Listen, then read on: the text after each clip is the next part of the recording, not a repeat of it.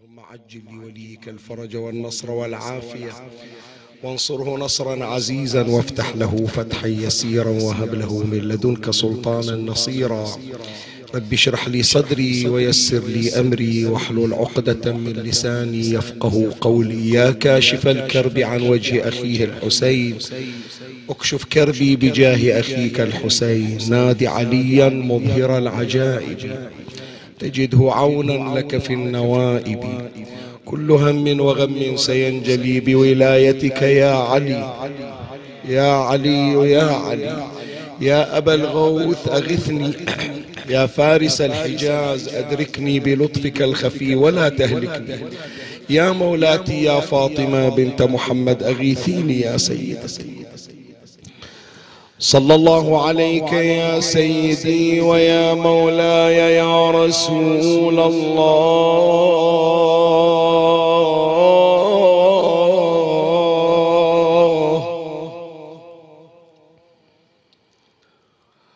صلى الله عليك وعلى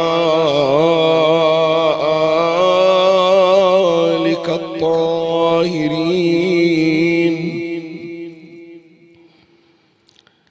فاز من اعتصم بكم وامنا من لجأ إليكم. يا ليتنا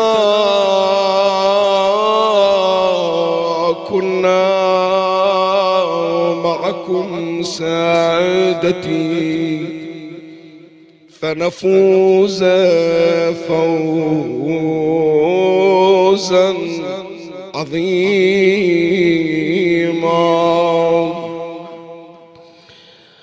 وجهت سلامي إليك يا مولاي يا أبا.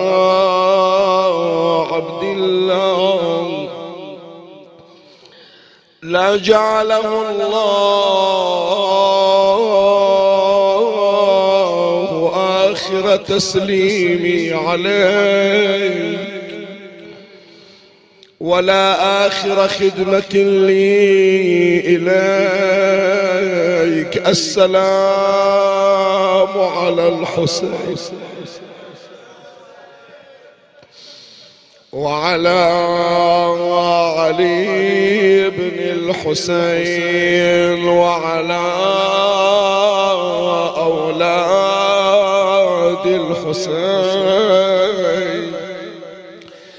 وعلى أصحاب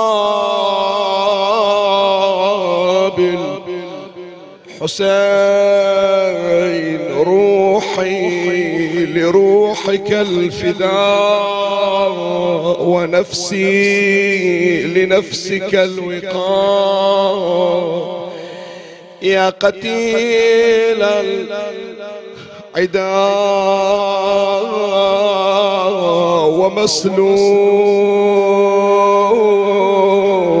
العمامة والرضا يا غريب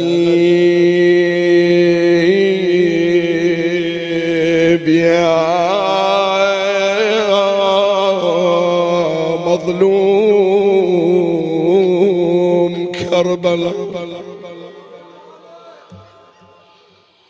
أخي لم لا يفارقني اصطباري. ومما وكيف لا يعلو نحيبي وراسك فوق راس الربح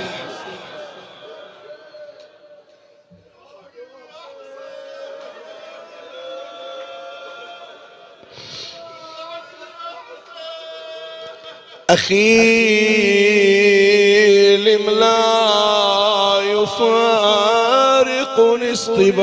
اصطباري ومما وكيف لا يعلو نحيبي ورأسك فوق رأس الرمح عالي تجاذبه الشمال إلى الجنوب. فديتك لو تعاين ما ألاقي لعز عليك ذلي يا حبيبي. فديتك لو تعاين ما ألاقي لعز عليك ذلي يا حبيبي وبعدك يا أخي عجبا حياتي وبعدك يا أخي عجبا حياتي وكم للدهر من صرف. عجيب أنعم جوابا يا حسين وما ترى شمر الخلق.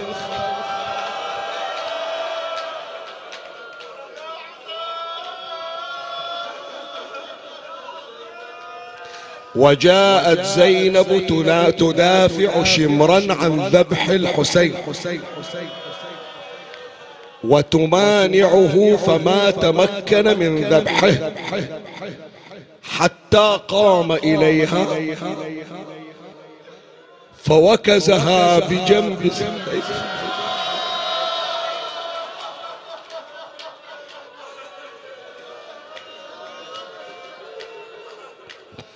وسمعت من بعد من بعض الذاكرين أن حسينا قبيل خروج روحه من جسده. لما رأى شمرا يضرب زينب نادى يا شمر عجل في ذبحي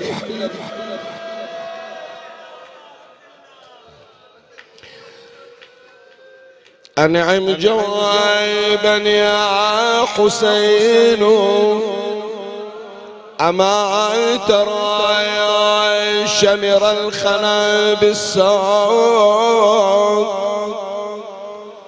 علم أضلعي عشاق الحسين فأجاب زينب وهو يحفص في الثرى.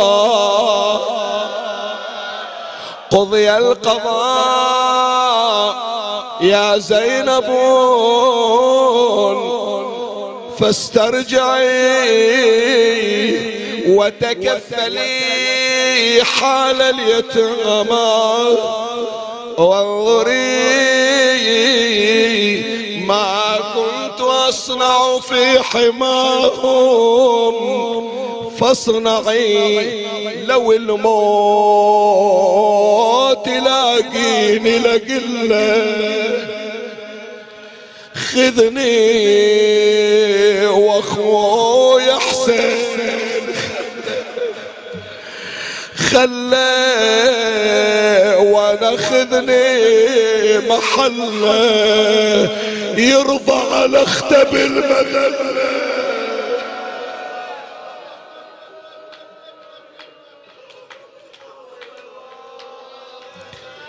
الليل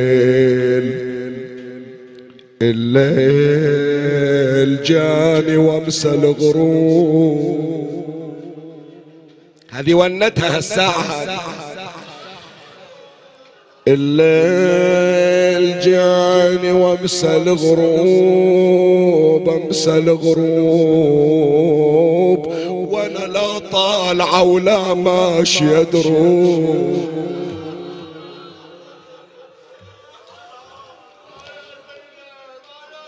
الليل جاني وامسى الغروب وأنا لا طالعة ولا شايف دروب. أدور على جسمك بأي صوب. خويا أدور على جسمك. بأي صوب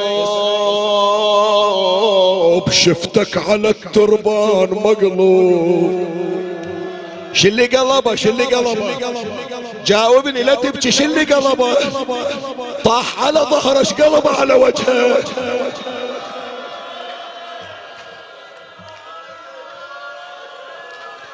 أنا أنا شفتك على الدربان مقلوب. مقلوب عريان يا ابن امي بلا ثوب بلا ثوب شفت السهم في القلب. مصر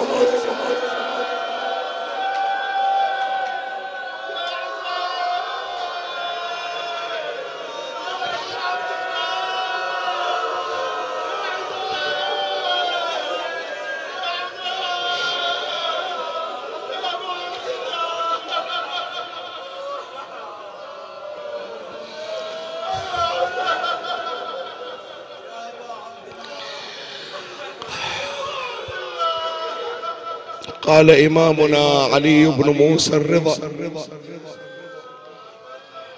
سلام الله عليه.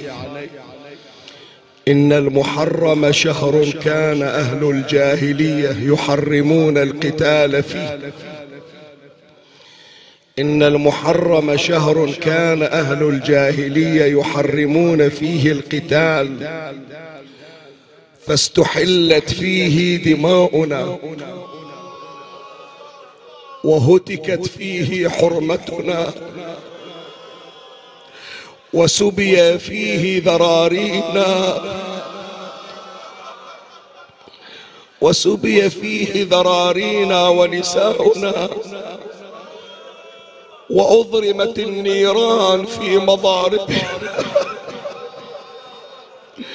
وانتهب ما فيها من ثقلنا ولم ترع لرسول الله حرمة في أمر.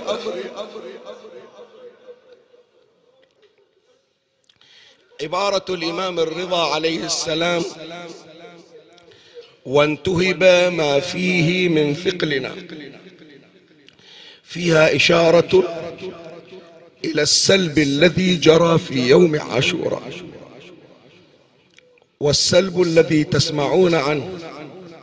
بحث واسع يحتاج إلى قلب أول يستملك أن يتلقى ما يسمع خصوصا في زمن كهذا الزمن ووقت كهذا الوقت وساعة كهذه الساعة. يتعذر على كل غيور أن يسمع مثل هذه الكلمات في سائر الأيام. فكيف أن تسمع ما جرى في وقت المصيبة؟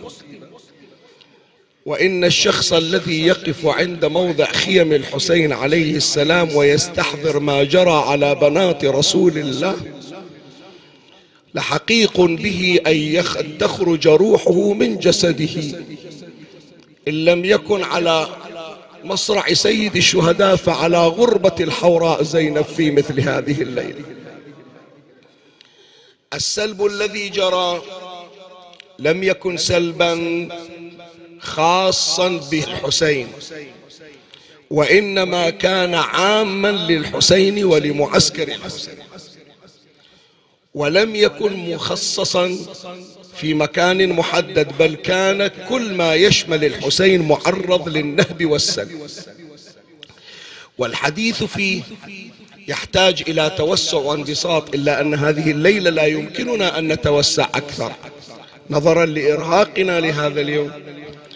ونظرا أيضا لأن هذه الساعة ساعة رثاء ومعايشة إلى آلام أهل البيت عليهم السلام. ولكن في دقائق يسيرة سوف أشير إلى ما جرى من سلب وإلى تعدد أبعاد هذا السلب. فالسلب لم يكن على كيفية واحدة بل كان على كيفيات مختلفة. مرة بصورة جماعية ومرة بصورة فردية. ومرة على الحسين خاصة ومرة على كل ما يتعلق بالحسين حتى على أطفال الحسين. ولا تتصور بأن السلب كان خاصا بوقت واحد وإنما كان السلب قد امتد إلى مدة زمنية طويلة.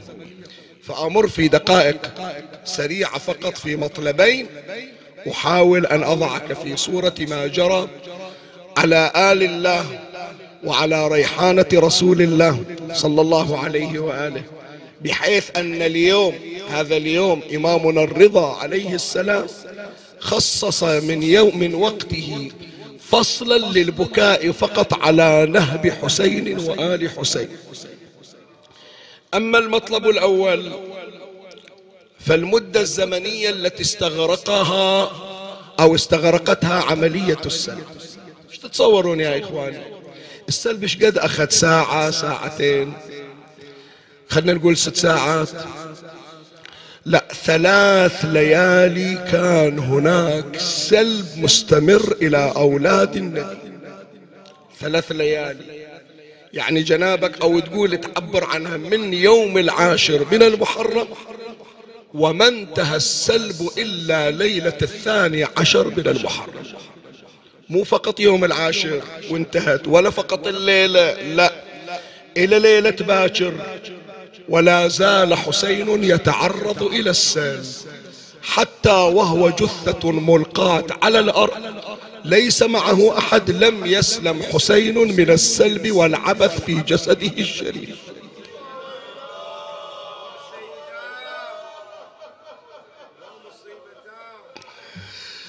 فأول ما ابتدأوا اليوم يوم العاشر. اليوم ما يمدي الخطباء أنهم يذكرون هذه المصيبة لكن هي في حد ذاتها مصرة وقد رأيت بعض المجتهدين لعله يملك أعصابه ساعة قتل الحسين عليه السلام. يملك نفسه. لكن إذا وصل الأمر إلى سلب ملابس الحسين ترى هذه فقط تحتاج من وراء المجلس. أنا أدري أنت الآن مشغول ومشدوه. يعني متوجه تريد تأدي حق المجلس. بس من ترجع البيت شوية صفن لا تخلي العشرة تطلع إلا فقط تصور. تصور أن شخص ينزع ما عليه من ملابس. يعني خلي شوية حتى حرق قلبك شوية يعني. وهل الحرقة إلا على الحسين؟ يا جماعة الميت إذا مات يريدون يغسلونه يحترمونه حتى وهو جنازة على المغتسل. ما يدخلون أحد عطني مهلة ما يدخلون أحد بالمغتسل إلا اللي راح يتباشر الغسل. ومن يجون إلى يريدون ينزعون هدومه ما ينزعونه يرفعون إيده وينزعون القميص وينزعون هدومه من عليه. إهانة. شي يسوون؟ يفزرون الثياب.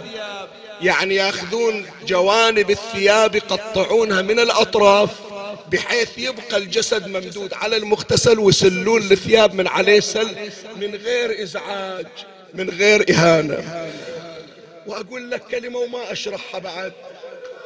وتستر عورته.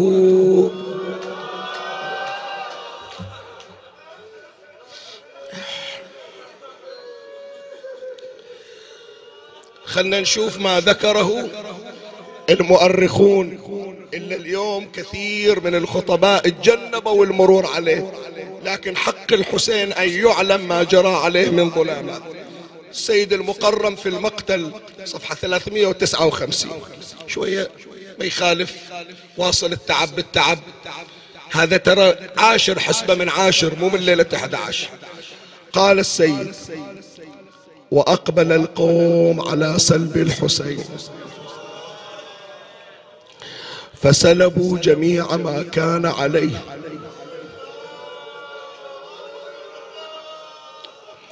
فأخذ إسحاق بن حوية قميصه.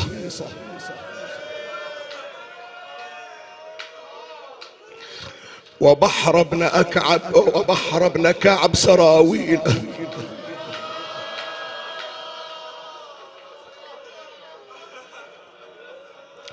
وأخذ الأخنس ابن مرثد ابن علقم الحضري وقيل جابر ابن يزيد وأخذ برنسة مالك بن النصر الكندي وأخذ نعليه الأسود ابن خالد حتى النعلين ما سلمت وأخذ سيفه القلانس النهشلي من دار وقيل جميع ابن الخلق الأودي وقيل الأسود ابن حنظل التميمي هي الليلة هذه. هي الليلة ورأى مجدا ابن سليم الكلبي الخاتم الذي في إصبعه.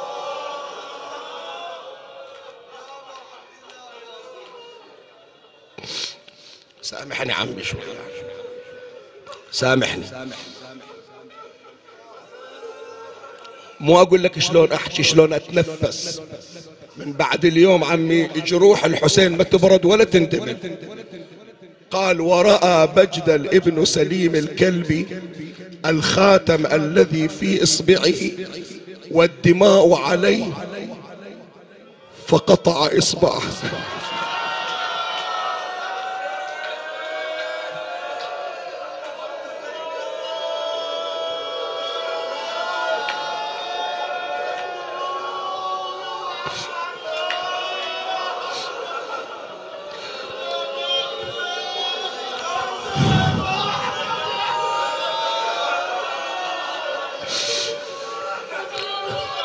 وفي ذلك قال الجواهري كأن يدا من وراء الضريح حمراء مبتورة لإصبعه.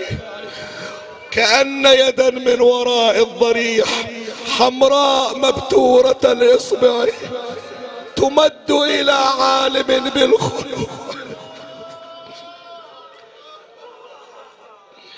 وأخذ قيس بن الأشعث ابن قيس قطيفته وكانت من خز وأخذ ثوبه الخلق إلا مزق اليوم إلا قال ما حد راح يشيله ثوب قصير ممزق ما حد يطمع به قال وأخذ ثوبه الخلق جعون ابن حوي الحضرمي وأخذ القوس والحلل الرجيل ابن خيثم الجعفي وهاني ابن شبيب الحضرمي وجرير ابن مسعود الحضرمي وأخذ درعه البتراء عمر ابن سعد.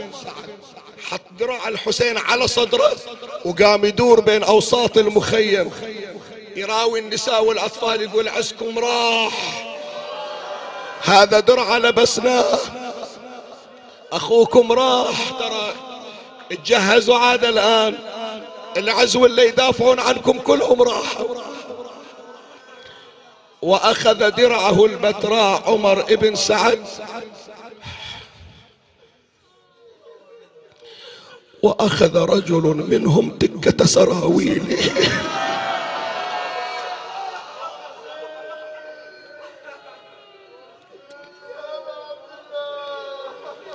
وتركوا حسينا على الأرض مقلوبا. ليس عليه شيء يستره إلا سراويل صغيرة صغيرة تستر حجة الله عن نظر الناظر. هذا اليوم هذا أحكي لك اليوم. اليوم وقت العصر نهاية الظهر وقت العصر بداية العصر. زين خلوه كافي. اللي سويتونا بيه مو شوية. خلاص شو تريدون عنه؟ ما خليتوا عليه شيء. استمرت إلى ليلة باكر.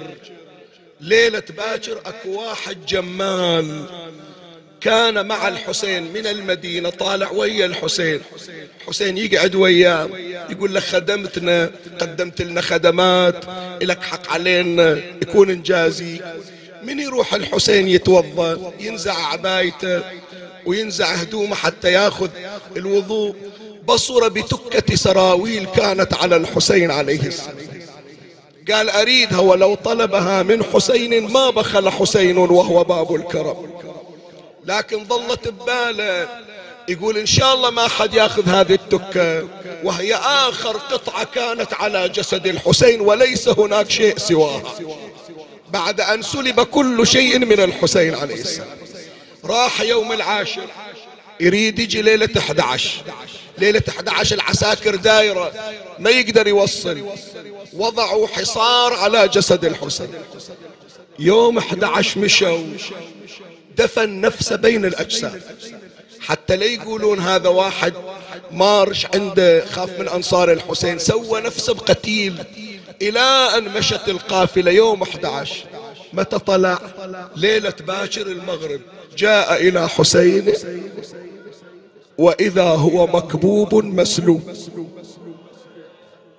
عز على الغيارة يذكرها العلامة المجلسي في بحار الأنوار الجزء 45 فوصل إلى الحسين فنظر إلى الحسين وعليه القطعة الأخيرة وعليها تكة. والتكة حبل يعقد به الحسين سراويل وقد عقدها عقدا كثيرة لئلا يحلها. فهم بأن يحل العقد. الحسين ذيك الساعة شلون حاله؟ جسد بلا رأس وأوصال من الثرى. لكن أبى الله إلا أن يحمي حسينا حتى وهو مقطع الأعضاء. فلما وضع يده على التكة وإذا حسين حرك يده وقبض على تكة سراويله. فلما رأى هو يسولف فلما رأى ذلك ارتعد. إلا أن الشقوة قد غلبت عليه. يقول فبصرت إلى قطعة سيف كانت إلى جانبي. فتناولها سوى. يا أبا العبد. وضع قطعة السيف على يمين الحسين.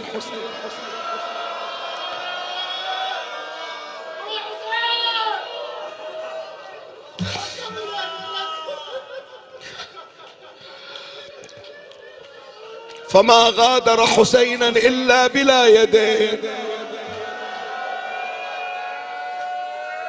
فلما قام بفعلته هو يقول وإذا بالأرض ترجف والسماء تهتز ورأيت كربلاء نورا لا ظلمة ونهارا لا ليل إيش صاير؟ يقول فرأيت ثلاثة رجال قد نزلوا من السماء. منو ذولا ما أدري. ثم حانت مني التفاتة. فرأيت امرأة تمشي من خلفه.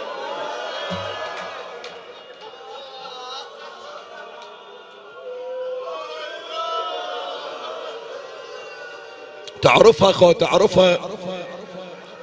عمي سايل أسايلك رد علي. من اليوم إلى الليلة إلى باكر كم مرة نزلت أم حسين؟ كم مرة عند علي الأكبر نزلت عند الرضيع نزلت بصرخة زينب نزلت عند جفوف ولدها نزلت. يقول فتقدمت تلك المرأة وإذا بالحسين قد جلس وهو جثة بلا رأس. وصارت تحدثه ويحدثها وتنادي ولدي قتلوك. ومن شرب الماء منعوك من الذي قطع يمينك وثنى بشمالك. يقول فأشار حسين عليه السلام قال يا أمة هذا الذي قطع يميني وثنى بشمالي فإذا أولا الزمنية إلى السلب. احسب جنابك. لا تتصور تقول عمي خلص عاشر. إجت وقت الراحة. ترى لا إلى الآن يعبث في جسد الحسين. إلى الآن.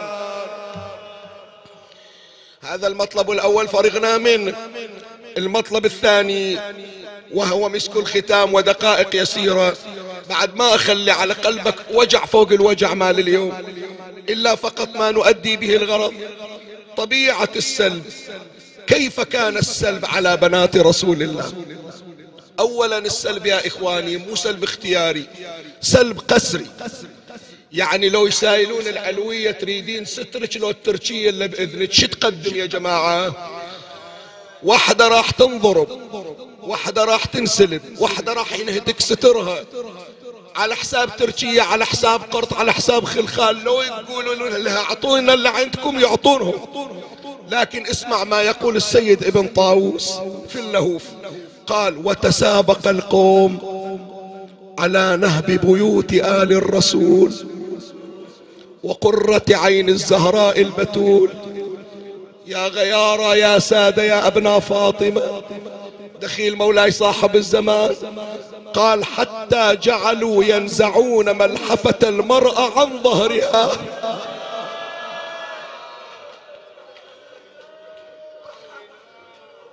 يعني العلوية بسترها يا جماعة.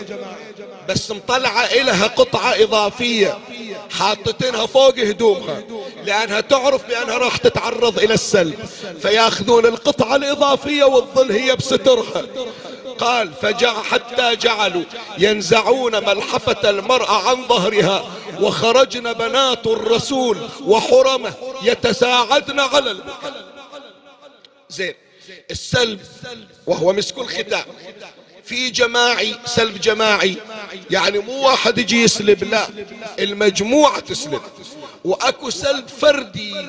نشوف السلب الجماعي كيف يقول. يقول ابن نما الحلي صاحب المقتل الشهير في مثير الأحزان صفحة 58 ثم اشتغلوا بنهب عيال الحسين ونساء. حتى تسلب المرأة مقنعتها من رأسها أو خاتمها من إصبعها أو قرطها من أذنها. وحجلها من رجلها. يعني يوقفون ثلاثة أربعة. شيل التركية القلادة شيليها. شيليها ولا انجرها. وهكذا ورد وهناك ما لا أريد قوله. وأما ما أختم به. الفردي شلون واحد من يجي إلى الطفلة من بنات رسول الله. يقول الشيخ الصدوق أعلى الله مقامه في الأمالي قال عن فاطمة بنت الحسين عليه السلام. دخلت الغانمة علينا. غانمة يعني شنو؟ يعني سلابة النهابة مو مو عساكر ذولا لا. جايين للنهب والسرقة. دخلت الغانمة علينا الفسطاط. وأنا جارية صغيرة. وفي رجلي خلخالان من ذهب. فجعل رجل يفض الخلخالين. يعني ماسكنها وينزعها من رجلها. يفض الخلخالين من رجلي وهو يبكي. فقلت ما يبكيك يا عدو الله؟ قال كيف لا أبكي وأنا أسلب بنت رسول الله؟ فقلت لا تسلبني. قال أخاف أن يجي غيري فيأخذه. أنت مسلوبة مسلوبة. خلي أنا على الأقل أسلبك وأنا أبكي. ولا يجي واحد يسلبك وهو يضربك بالصوت على رأسك. زين هذا حال جميع النسوة. الليلة لنا شغل بوحدة. ما ندري عن أحوالها. اليوم من الظهر هي واقفة ما قعدت. وصراخها من الصبح كل ساعة وتفر وتصرخ. إيش هالطاقة اللي عندها؟ عمي يقول لي جاوبني عمي أنا ما قول لي نامت الليلة غمضت عينها. زين قعدت على الأرض شوي ترتاح. زين هدأت شافت لها مكان واستقرت. شوف كربلاء عمي انت أطلبك يا اللي رايح راح تزور. من الطب كربلاء؟ بس من توصل؟ ويقولون لك هاي حدود كربلاء. اسأل قول وصلت زينب هالصوب لو ما وصلت؟ لأن كل ساعة وجاية وشايلة جنازة على صدرها. جاءت تحمل طفلين ميتين وجاءت وهي تحمل طفلة قد سحقتها الخيل بسنابكها. وأصعب طلعة على زينب الليلة يوم طلعت تدور الرباط ما اللي وين؟ قالوا لها هناك عند الحسين. كم مشوار ضربت كم شوط ضربت. ورجعت عاد خلاص انهدت أركانها. وزين العابدين على التراب حجة الله. قال لها عمة شو هاش صاير؟ بيش؟ قالت خلاص أبو محمد شو أسوي بعد؟ شو أسوي طاقة بالأخير طاقة هي. قال لا يا عمة أنت المسؤولة. لو وحدة تضيع أبويا راح يحاكيش أنت. ما جاب وحدة من النسوان غيرك. قالت بس شو أسوي خبرني شو أسوي أنا غير غير رأي الإمامة ما أمشي على غير رأي الإمامة. قال أنا أعلمك شو تسوين جبتين النسوان والأطفال. قالت إلا قدرت أجمعهم جمعتهم. قال زين أوقفي على هالراس. هذا كله صاير قطار. انت اوقفي منها الصوب. وخلي أم كلثوم أختك توقف بالأخير. وتأكدوا لأن الليلة ظلمة ما يبين شيء. صيحوا بالأسماء. وتأكدوا كلهم حاضرين لو أكو واحدة ضاعت ما جبتونها. الماء موجودة روح طلعي دوريها. قالت إن شاء الله أبو محمد. وزين العابدين صاير مثل الكعبة والنسوان مثل المطاف داير مدار. وزينب واقفة منها الصوت وأم كلثوم واقفة منها الصوت. صاحت زينب. ليلى وإذا الصوت. نعم سيدتي. وينك؟ قالت عند جنازة ولدي علي. قاعدة صوبة. رملة؟ بلا مولاتي. لا تكلفين على نفسك اسمعك؟ قاعد عند ولد العريس. فلانة؟ فلانة تجاوب رباب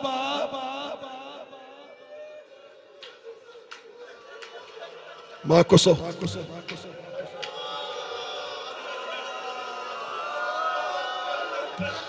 صاح الثانية. رباب ما طلع صوت. حطت إيدها على قلبها. عزيزة الحسين. ماكو جواب. صاحت ام كلثوم على ام كلثوم خيم كلثوم. رفعي صوتك ترى والله ما عندي جلد. من الركض في البر ما عندي جلد. ناديها يمكن صوبك. صاحت أم كلثوم. أم عبد الله. ماكو جواب. سكينة بنت الرباب شقيقة عبد الله الرضيع. من سمعت عماتها ينادون على أمها وأمها ما تجاوب. صاحت ضاعت أمي في البر. إجت إلى زين العابدين. أبو محمد مرت أبوك مو ويانا نصيح باسمها ما تجاوب. قال يلا عم لا تقعدي. إلى إلى الصبح أنت شغالة. مالك راحة يا زينب مالك راحة. مالك راحة خلاص مالك راحة بعد. لو أقدر كان قمت أنت اللي تروحي. إذا ضاعت باشر يمشونا ترى الحسين طالبك عمه أسألك الدعاء خلاص عمي مجلسي ختمته. أكثر من هالمصايب إيش نقرأ؟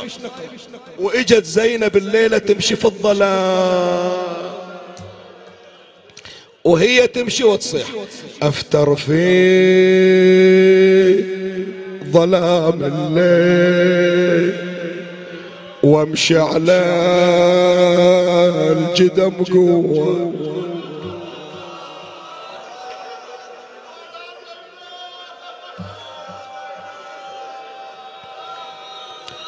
أفتر في ظلام الليل وامشي على الجدم قوة وشفت على الثرى مرمي. وأقول أنه ومو هو. مو هذا اللي حضنته اليوم وقبلته. إيش عنده الشمر وياي هيك بما انحرق سوى إيش سوى؟ ضربني الشمر يا أخويا وصوته بما تنيت لو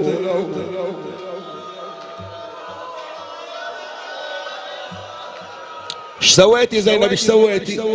فرشت عبايتي عالقاع يوم العاشر بعاشور وقمت اجمع وصالة وشفت الشام ضلع مكسوس شفت شوية من قلبه وشفت الخون صر المبتور بس الراس ما شفته. وين وين الراس؟ وين؟ بس الراس ما شفته. شفت المنحر المنحر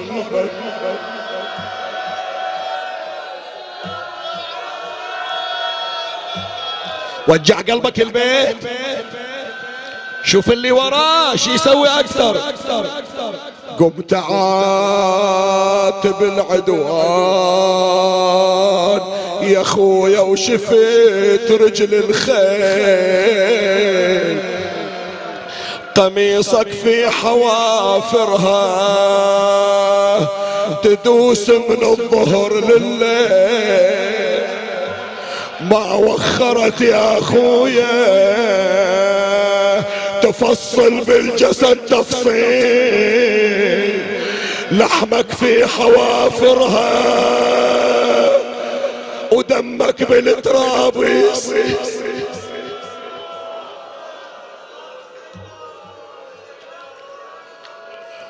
سمعت كأنها صوتا من منحر الحسين. من المخيم ليش وحدك طالع؟ شجابك بهالليل صوب المشرب وليش من تمشين كنك راكعة مبين عليك التعب مو نايمة زينب ليش يا أختي عبايتك محروقة؟ ليش من البكا مخنوقة؟ دمعي ضمي دمعك عن البكا ملحوقة. مبين عليك التعب مو نايم. بينما هي كذلك وإذا بها ترى الرباب جالسة عند نحر الحسين. قالت يا رباب ما الذي أخرجك؟ قالت أعز علي وداع أبي عبد الله. جئت أودعه قبل الفراق. أخذتها زينب من يدها عادت بها إلى المخيم المحروق. وجلست في ظلمة الليل. أنا أظلم علي الليل. وازدادت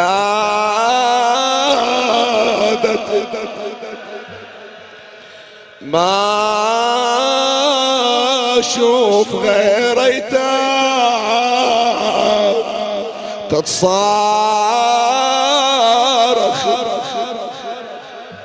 وشيخ العشير حسين ما حد شاف مطروح وبجنب علي.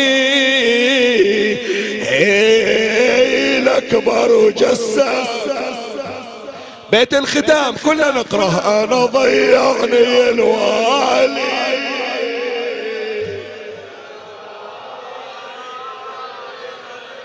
إيه بهالكسرة هذه. أنا ضيعني الوالي. وخلى لا أهل عندي ولا بلد. يمي قريب.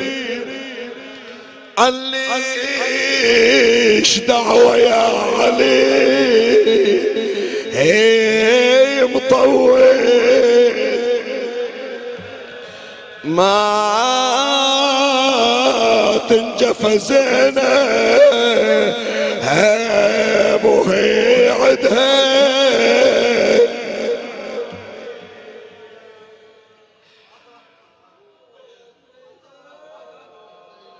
يا الله يعودكم الله. وخدمة مي مقطوعة وأهل البيت ما يخلونا.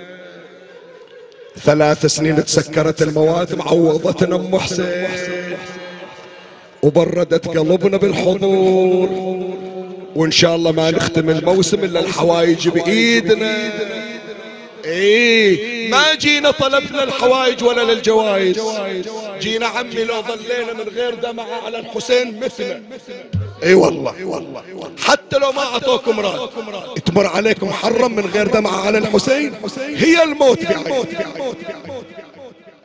بس أقرأ هالكلمة خلاص عمي لله طلبونا من البحرين وخارج البحرين. قلت لك الليلة ظلت زينب سهران. من تشوف واحد جاي صوب اليتامى. عمي سامعني سامحني بس اسمع شوية اللي عندك أولاد. من يشوفون واحد مقبل. سكينة تصير بحضن رقية. ورقية تصير بحضن سكينة. والأطفال يتجمعون على بعض. ما تسمع إلا البكاء والعوي. وتوقف زينب تأشر على كل واحد. روح لجي صوبنا. روح عندي بنات صغار. روح لا تروعهم ترى من الخوف ماتوا. ورد يرجع. بنت علي هذه بنت علي صرختها صرخة أخوها أبو فاضل. بعده الرهبة في قلب زينب. شلب بالك زينب شني؟ مكسورة؟ زينب عمي نبرة علي وجرأة فاطمة.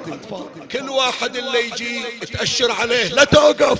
يرجع هيبة شوية ولا واحد جاي؟ قالت روح. ما رجع. قالت أقول لك عندي بنات روح. وبعده يمشي. قالت ما تعرفني أنا بنت علي أبوي حلال المشاكل. ان شاء الله على بالكم خليتون أبو فاضل على المشرع على بالك صرت ضعيفة. أبو فاضل ماخذ قوته من زينب أنا اللي مربيتنا وهو يمشي مو راضي يوقف. قالت منو أنت؟ كلهم رجعوا بس أنت منو أنت؟ أنا أبوك.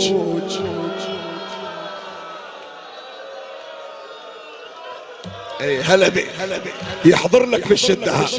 ما تصيح إلا باسمه. أنا أبوك يا زينب أنا أبوك. يا زينب راحة وإخوانك وخلوك. بقيت محير وصفك باليدين لا عباس ظل